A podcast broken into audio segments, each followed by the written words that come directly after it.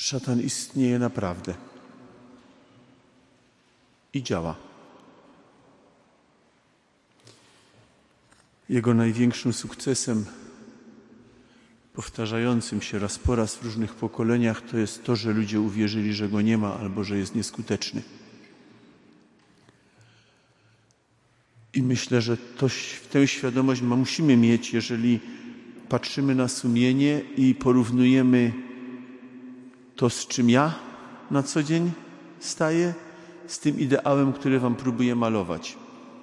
Bo nie, chciał, nie chciałbym, żebyście po tych rekolekcjach wyszli ze stwierdzeniem, że hmm, tam, są, tam to są jakieś Himalaje, natomiast my się czołgamy po dolinach. Bo tak nie jest. Tylko świadomość odległości ideału od tego miejsca, w którym jestem, to jest droga, którą mam do przejścia. I tylko tyle. Duch Święty chyba wybierał te piosenki, które śpiewacie, bo y, myśl, która mi przyszła i której nie miałem z tyłu głowy, a teraz mnie tak męczy, że ją muszę powiedzieć. Słuchajcie, grzech jest smutny. Wszędzie tam, gdzie on się rozlewa, tam będzie smutek. W efekcie końcowym nawet depresja. Natomiast tam, gdzie Pan Bóg dotknie i usunie zło, tam się pojawia radość. Nie brakuje zwłaszcza młodych ludzi, którzy mylą radość z wesołkowatością. To są dwie całkiem różne rzeczy. Natomiast y, jeżeli człowiek zaplącze się w zło, albo nie chce z niego wyjść, albo nie widzi drogi wyjścia, to jest wewnętrznie smutny. Tu macie jeden z czujników, jeden ze sprawdzianów.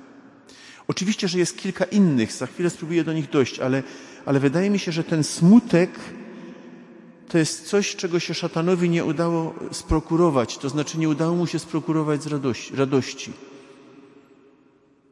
Dlatego on potem używa y, protez, alkohol, dobra impreza, narkotyki i różne inne takie proteza tam, gdzie nie da się e, stworzyć prawdziwej radości. I myślę, że to jesteście w stanie odróżnić. Ale prawdą jest, że zostaliśmy pogryzieni przez złego.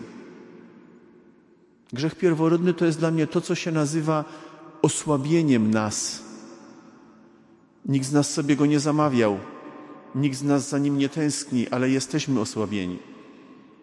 I dlatego, y, mówiąc wczoraj o tym, co składa się na te klocki zwane naszym sumieniem i naszym życiem moralnym, to teraz chciałbym powiedzieć, jak wygląda ta dojrzała osobowość.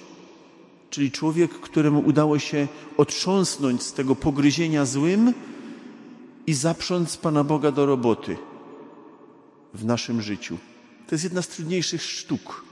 I nie dlatego, że Pan Bóg nie chce, tylko dlatego, że mamy taką chorą zasadę że ja to chcę swoje życie poukładać. Że ja to chcę, chcę na coś zasłużyć. Natomiast Pan Bóg nam ciągle mówi, a ja ci to już dałem. No i potem mamy starsze pokolenie, które ma mutację, ile trzeba różańców obrócić, żeby się dostać do nieba. Nie wiem, w tych jednostkach miary nie liczyłem nigdy, ale podobno jest to jednostka miary nieskuteczna, jeżeli miałby to być towar handlowy. Natomiast jak się ktoś modli na różańcu medytując, to jest to najkrótsza droga albo jedna z krótszych dróg. Natomiast nie za coś. Dobra, to idźmy do tej y, dojrzałej osobowości. Od razu oddaję szacunek Orzechowi, czyli księdzu e, Stanisławowi Orzechowskiemu z Wrocławia, duszpasterzowi akademickiemu, bo z niepokojem mówię, tego punktu nie czuję, nie wiem jak go ugryźć. No i oczywiście Pan Bóg mi tu, tu, tu leży ta książka, tu. No więc wziąłem tą książkę o kryzysach małżeńskich. A nie chuchu z tematem, nie? No i było. Także po prostu należy po prostu nic nie robić, tylko patrzeć, co on pokazuje. Na dojrzałą osobowość, czyli na to sumienie, do którego jesteśmy wezwani, żeby nas prowadziło do, do tego, o czym mówiłem: szczęście, e, radość, ta wyżerka duchowa, składa się kilka rzeczy. I żebym nie zapomniał, bo wczoraj zapomniałem, na samym początku jest jedno słowo, które się nazywa powołanie.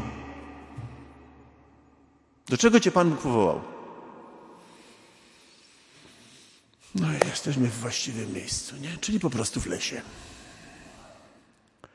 Dawniej to jeszcze tłuczono nam w szkole średniej na religii, że człowiek się ma modlić o odczytanie powołania, że człowiek ma wyprosić se powołanie albo zrozumienie powołania i człowiek ma dążyć do zrealizowania życiowego powołania. Nie chcę robić quizu, bo nam wyjdzie siara, nie? Ale obawiam się, że połowa z Was spuściłaby głowy na pytanie, jakie jest Twoje życiowe powołanie. Ja mam wrażenie, że część młodych to nie jest oskarżenie. Funkcjonuje dzisiaj na zasadzie, e, także żeś mnie, Panie Boże, stworzył tak, jak mnie masz, tylko mnie nie kop, nie? I, i, I co z tego ma wyniknąć? No nic. Co chcesz w życiu robić? Pieniądze. No to wynocha, to nie rozmawiamy. Pieniędzy się tu nie da robić. Pieniądze przychodzą same. Kim chcesz w życiu być? Wielkim. To już jest dobrze. Co chcesz w życiu robić? Wspaniałe rzeczy. Jakie masz marzenia? I już się robi świat. Jak potem widzę takie stworzenie, które mówi, ja to tak się chyba do niczego nie nadaje, nie? Jakie masz talenty? Ja chyba nie mam żadnych. No bubel Pana Boga do jasnej ciasnej, no. Panu Bogu się ta sztanca wytarła i po prostu na niego trafiło, albo na nią.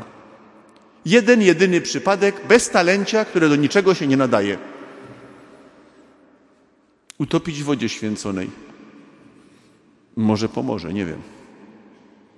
Słuchajcie, to jest pierwsza herezja, która się człowiekowi rodzi w życiu, jak y, nie zacznie działać z Bożą pomocą. No nie ma takiej wersji, nie ma takiej możliwości, że Pan Bóg nie dał talentów. Znaczy, jakąś formą talentu jest też ślepota, nie? Na własne talenty. Ale to trochę mało. Więc spróbujcie sobie na to pytanie odpowiedzieć i jak wam, jak dzisiaj nie macie gotowej odpowiedzi, to zobowiązuję was przed Bożym Narodzeniem, żebyście do żłóbka Panu Jezusowi przynieśli dwie odpowiedzi. Pytanie na pytanie o to, na pytanie, kim to ja mam być, czyli jakie jest moje życiowe powołanie i jakie mam talenty. Powiem więcej. Jakbyście się dali skusić na to, że y, te rekolekcje wam coś wniosą w życiu, to siądźcie sobie któregoś z najbliższych dni, weźcie sobie kartkę i wpiszcie swoje talenty. Jak wyjdzie, wyjdzie poniżej 10, proszę iść do Pana Jezusa i pytać Go, Panie Jezu, pokaż następne, bo coś oślepłem. A jak nie idzie, jest jeszcze jedna wersja awaryjna. Popytać koleżanki i kolegów. I naprawdę Wam powiedzą.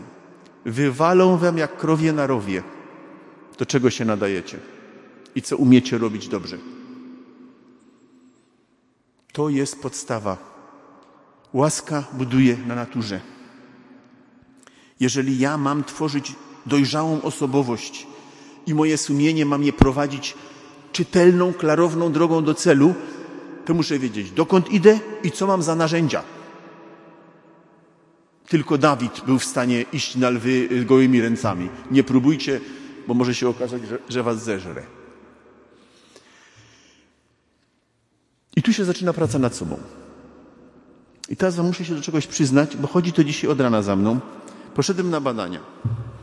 Siedzę sobie w kolejce, bo to wiadomo, że u nas służba zdrowia się rozwinęła w ostatnim czasie, nie? Kolejka to jest najbardziej lecząca forma yy, terapii.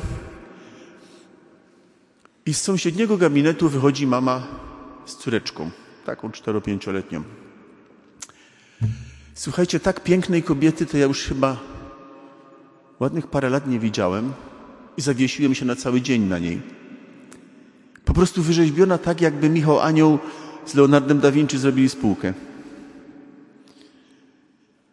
I jak wychodziła z tego gabinetu, to tak myślę, Boże, jak, jak, jak można być tak pięknym? To aż boli. Ale już potem przez cały dzień chodził za mnie, jak, latała za mną jak mucha, taka tempa. Mówi, ile ona set godzin musiała poświęcić na to, żeby po macierzyństwie wrócić do tej wyrzeźbionej sylwetki, takiej, no 120%, no. I potem oczywiście przelazło to na dzisiejszy temat, nie?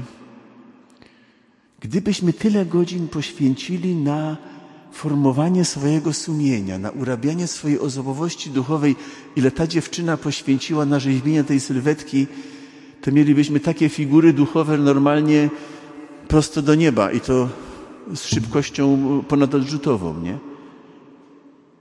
Czemu na tym poziomie się dba, a na tym poziomie mniej? Bo mniej widać, nie? Stare pytanie, jakbyście mieli do wyboru być, być łysym albo głupim, co byście wybrali, nie? Ja wybrałem łysy. No. Nie no, jedno widać, drugie mniej widać, ale przy bliższym poznaniu widać to drugie też. Dlatego ta dziewczyna rano dzisiaj naprawdę y, tak mnie nakręciła, że to tylko w naszych rękach leży. Że to my tworzymy to nasze wnętrze. No albo nie tworzymy, jak żeśmy kluczyk zgubili. Dlaczego pytam o te talenty i o, te, o to powołanie? Bo słuchajcie, jednym z najbardziej fundamentalnych elementów składowych tego sumienia jest obraz siebie, jaki nosimy. A obraz siebie wynosimy w dużej mierze przede wszystkim z domu. Jak nam tam popieprzyli, przepraszam za słowo Panie Jezu, yy, pomieszali nam tą wizję, zepsuli nam ten obraz, to idziemy tacy garbaci, tacy kalecy, tacy niedopieszczeni. I to też trzeba wiedzieć. I to też trzeba korygować, to rzeźbienie. Żeby poznać siebie w potencjale dobra. Popatrzcie, że ja tu prawie w ogóle nie mówię, nie narzekam, nie mówię o tym, co złe. Bo Pan Bóg stworzył nas jako dzieci Boże genialnych. Potem popaprali ludzie po drodze.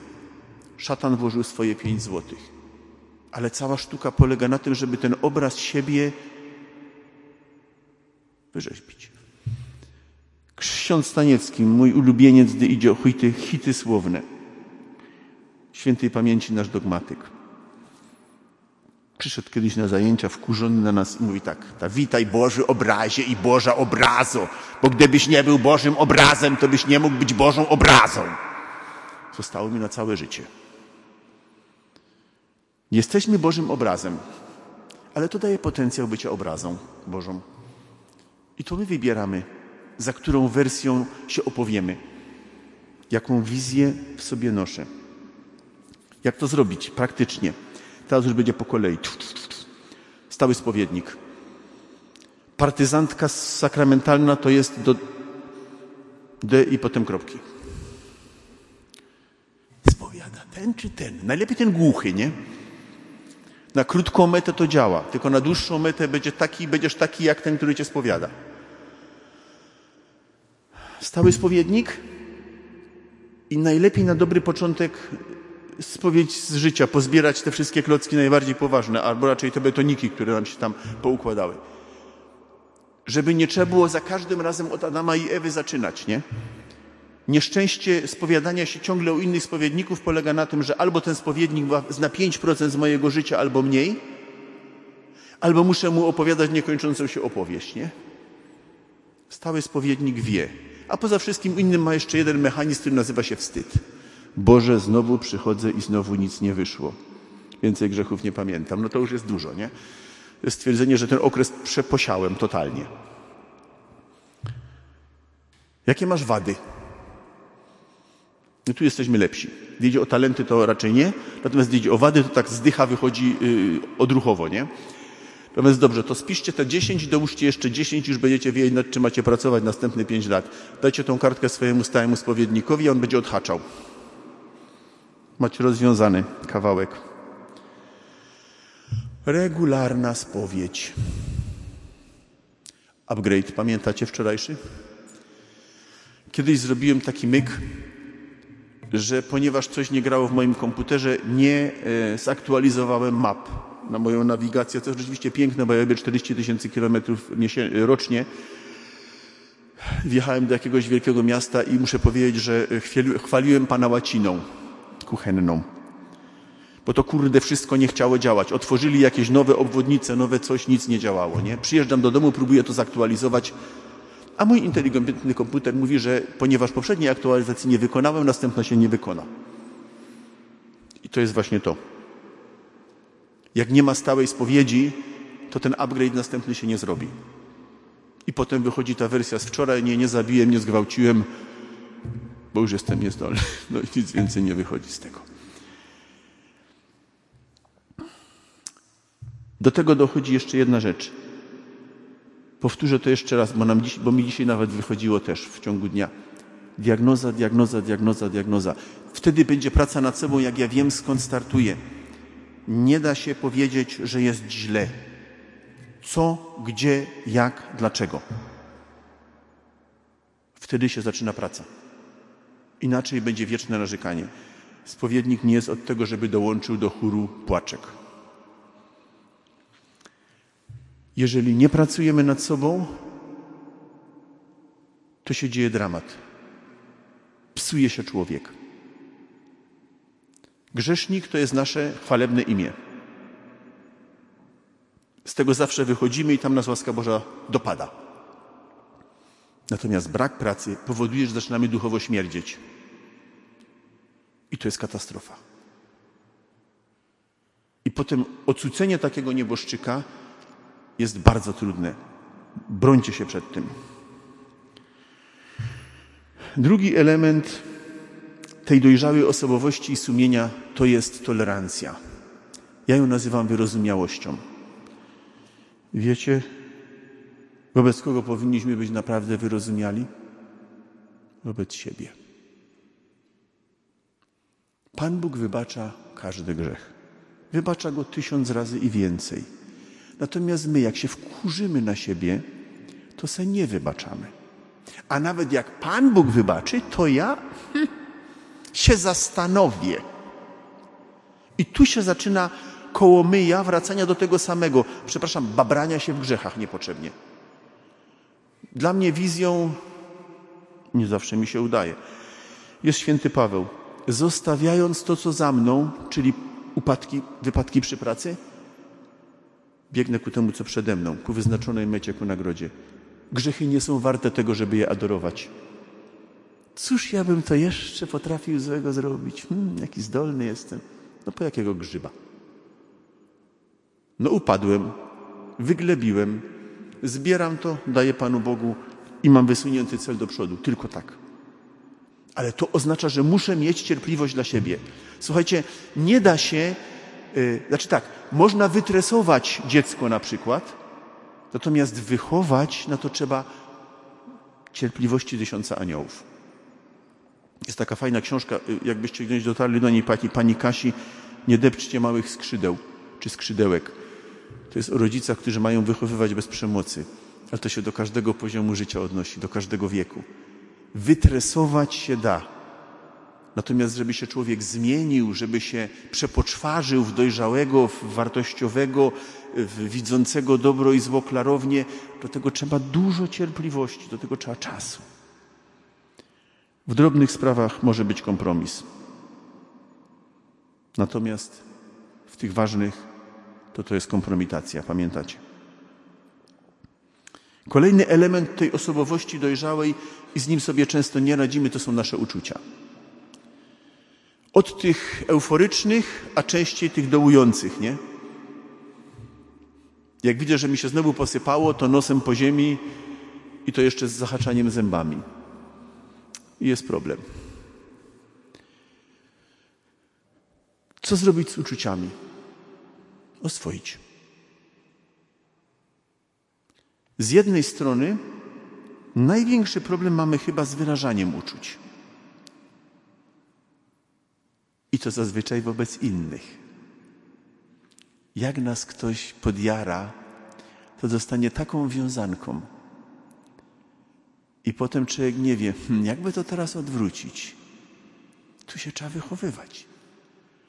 We mnie są pewne uczucia, za które nie odpowiadam, w sensie ja ich nie, nie sprodukowałem, ale ja jestem w stanie wyrazić je w sposób raniący, depczący albo w sposób korygujący albo zachęcający do dialogu. Nie wiem kto bardziej, ale mam wrażenie, że kobiety mają talent do wyrażania uczuć w sposób kamienny, czyli jak ci przywali kamieniem, to już wiesz, że wyraziła uczucia. Natomiast mężczyźni mają talent do milczenia w tej kwestii, co jest fatalne. Powiedz, że mnie kochasz. Kocham cię. Ale powiedz tak. Jakbym cię nie kochał, to mnie tu nie było. Okej? Okay? Przynajmniej powiedział po męsku, nie? Ale myślę, że, drogie panie, warto wychowywać swoje połówki do mówienia o uczuciach. Jak widzę Twoją matkę, to wzbiera we mnie fala uczuć. Patrzcie, jak to ładnie powiedziałem, nie? Czyli bij teściową. No, i tak dalej, i tak dalej, ale to też trzeba powiedzieć, bo jak człowiek w środku to trzyma, to mu się ta trucizna rozwija. Natomiast jak to nazwie, ale nazwie to w sposób y, niezabijający trucizną, to już jest szansa do y, przepracowania. Rzeczy nazwane to są rzeczy, które znamy, które oswajamy dopiero. Krytyczna samoocena, kolejny element sumienia.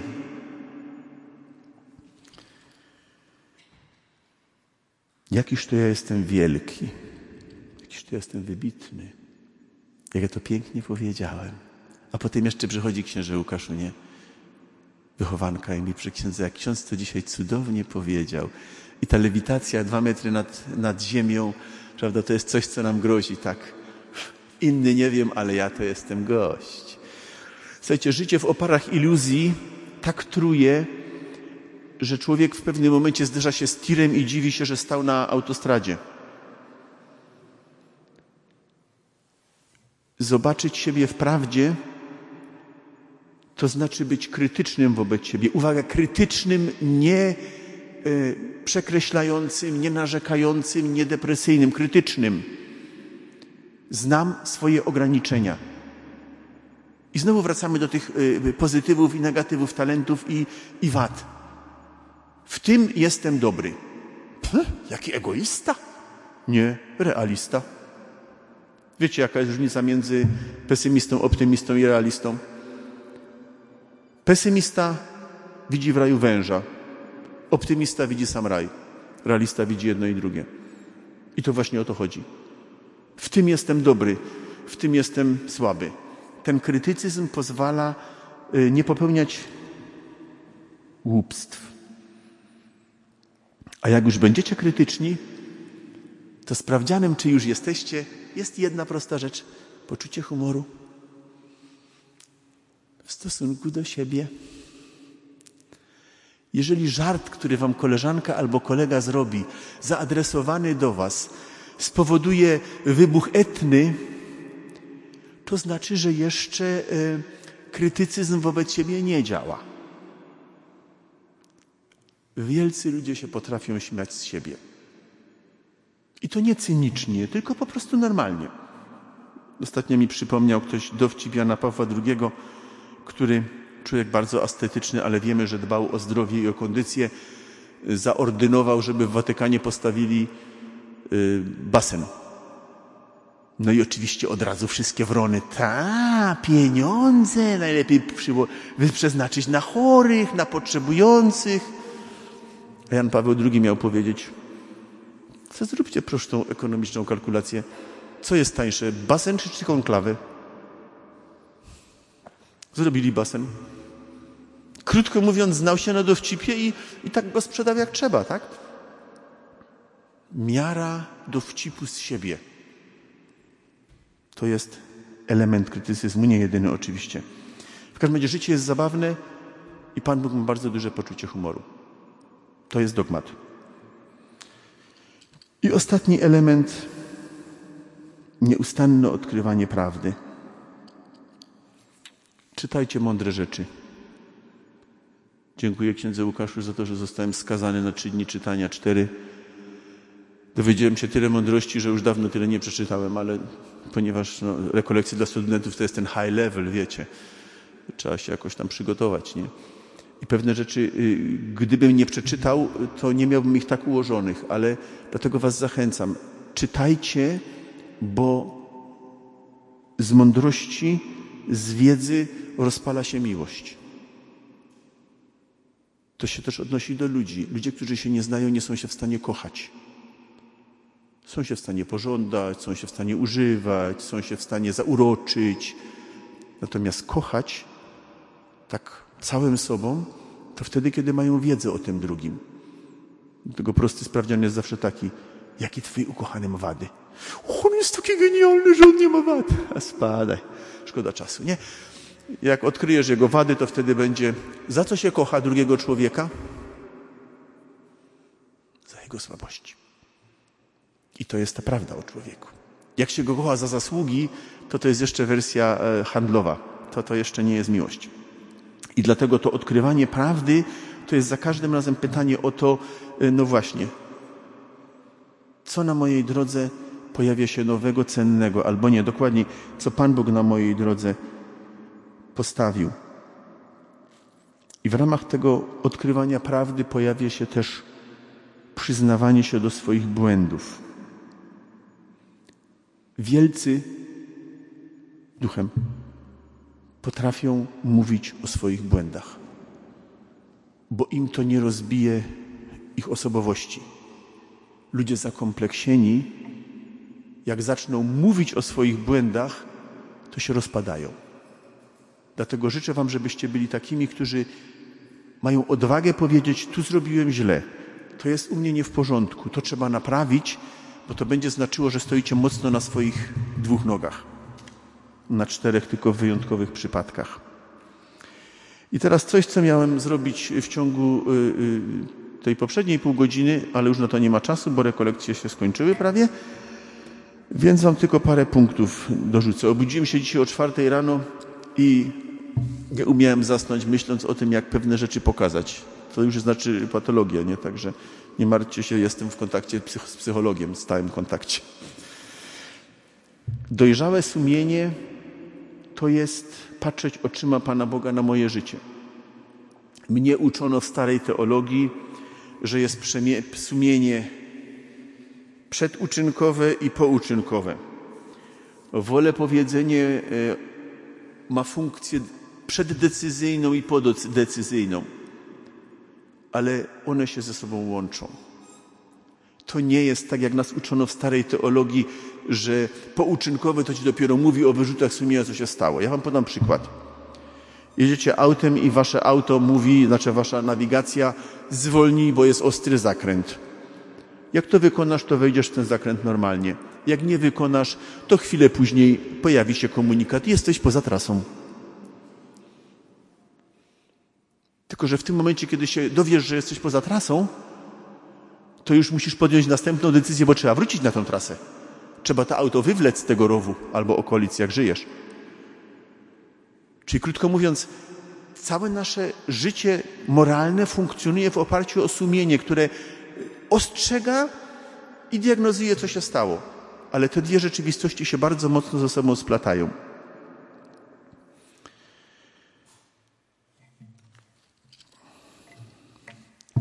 Co to znaczy widzieć oczyma Chrystusa? Czyli patrzeć Bożymi oczyma na swoje życie. Będę czytał punkty tylko, tak? Po pierwsze, wybaczać sobie. Wybaczać sobie i jeszcze raz wybaczać sobie. Każde zło, które żeście popełnili, wymaga wybaczenia. Nie pielęgnować porażek, bo nie są tego warte, ale uczyć się na błędach. Nowe przysłowie sobie Polak kupi, że i przed szkodą, i po skodzie kupi. To takie nasze polskie. Ale tak normalnie to człowiek się na błędach może uczyć. I teraz ten punkt, przy którym się jeszcze zatrzymam, mimo że już według czasu powinienem kończyć, to jest kwestia odpokutowania za zło. To się wiąże troszeczkę z tym, co ja przeżywam, ja jako człowiek, jako sprawca, ale to jest historia o wiele głębsza. Otóż spotykam raz po raz ludzi y, w sakramencie pokuty także, albo w kierownictwie duchowym, którzy mówią, że pewne grzechy nie chcą ich zostawić. Że pewne wyrzuty sumienia mimo, mimo spowiedzi sakramentalnej dalej wracają. Można by to na skróty zrobić i powiedzieć, bo sobie nie wybaczyłeś, ale nie. Tam się jest o wiele groźniejszy mechanizm.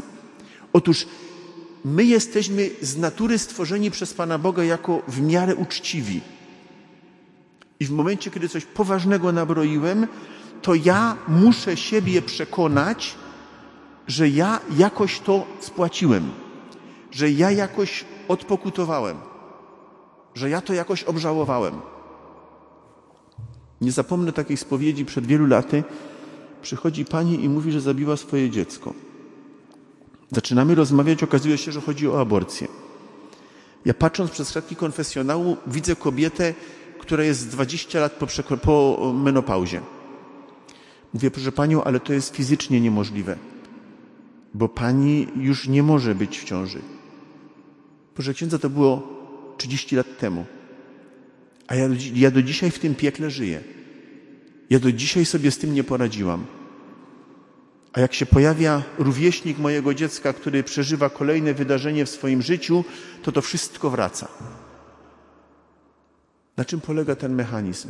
Na nieobżałowanych grzechach, na nieodpokutowaniu. I to nie jest ta pokuta, o której my słyszymy w sakramencie pokuty. Za pokutę zresztą bardzo często obawiam się, że księża idą na łatwiznę i za pokutę dziesiątka różańca, tak? To nie rozwiązuje problemu. Dlatego w poważniejszych sprawach ja mówię wprost, proszę pomyśleć i wyznaczyć sobie pokutę. Coś, co Ciebie przekona jako podmiot, że przeprosiłeś Pana Boga i starałeś się naprawić zło, które się stało. To jest jeden z punktów ważnych, bo inaczej nie pójdziemy dalej. Jeżeli zwłaszcza mamy coś poważniejszego na sumieniu, to to trzeba rozliczyć. To to trzeba zakończyć ze świadomością odpokutowanym. To nie znaczy, żeby być sadystą wobec siebie. Nie, broń Boże. Ale trzeba być pewnym, że ja no, coś uczciwego ze swojej strony teraz dałem, tak? Do tego, żeby odpokutowywać, yy, warto wykorzystać mszę świętą. Nie wiem, czyście kiedyś liczyli, jak dobrze, jak dobrze wyliczyłem, to osiem razy w czasie mszy świętej, albo przynajmniej sześć na pewno przepraszamy za grzechy. To jest bardzo symboliczne. My przychodząc do Najświętszego Boga mamy zawsze świadomość, że jestem grzesznikiem. A jak już dochodzimy do komunii, czyli zjednoczenia, to już jesteśmy maniakalnie nudni.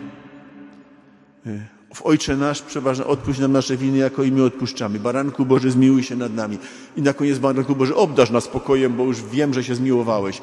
A potem jakby było mało, Panie, nie jestem godzien, abyś przyszedł do mnie. Słuchajcie, to jest w ciągu pięciu minut trzy razy przepraszamy za grzech. I to jest bardzo skuteczna formuła y, powiedzenia Panu Bogu, żeby to wszystko zabrał, żeby mnie przemienił. My nigdy nie przyjdziemy do, do komunii godni, tak? Ja swoją łaską, ja Zbawiciel, prawda, teraz się zbawiłem. Nie. Ale On to jest w stanie zrobić, w związku z tym my chcemy wiedzieć, że On nas usłyszał, tak? Traktujemy trochę Pana Boga jak półgłuchego, ale to dobrze.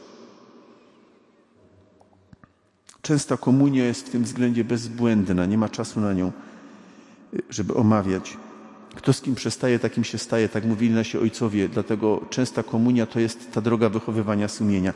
I ostatnie zdanie.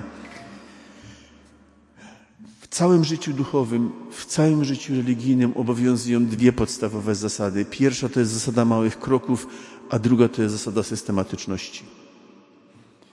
Skoki na bungee to są sytuacje wyjątkowe, zwłaszcza jak się bungee urwie. Natomiast tą samą trasę jestem w stanie pokonać bardzo wolno, ze świadomością, że wiem, co robię i że jestem asekurowany. I o to chodzi. Małe kroki i systematyczność. Jesteście genialni, słuchacie jak nie mówi się jak świniak, bo to nie, jest najbardziej katolickie powiedzenie. Mówię, słuchajcie genialnie, dziękuję wam za to, dziękuję za wasze zaangażowanie. Y, a jak któryś z was spotka mnie w mieście i powie, to jest ten od sumienia, to to będzie największy komplement, jaki w życiu usłyszałem. Na koniec ksiądz Łukasz zobowiązał mnie do błogosławieństwa. To was zaraz pobłogosławię, tak? To, to, y, co, to jest, to, co to jest to błogosławieństwo? Słuchajcie, to błogosławieństwo to jest amnestia ze strony Pana Boga. Jakbyście kiedyś nie wiedzieli, co to jest odpust zupełny. Czyli Pan Bóg jednego więźnia puszcza wolno, darując mu wszystkie kary, łącznie z dożywociem. I popatrzcie, macie po takich rekolekcjach jak te do dyspozycji jedną amnestię. Komuś ją podarować. Albo z zmarłych, albo z żywych. Ja myślę, że czasami w naszym życiu są ludzie, którzy bardzo negatywnie na tym życiu zaważyli. A gdyby tak komuś z tych ludzi podarować tą amnestię, czyli go uwolnić od zła, które ciąży na jego sumieniu. Tak tylko podpowiadam. To co mogę błogosławić? Dziękuję za pozwolenie.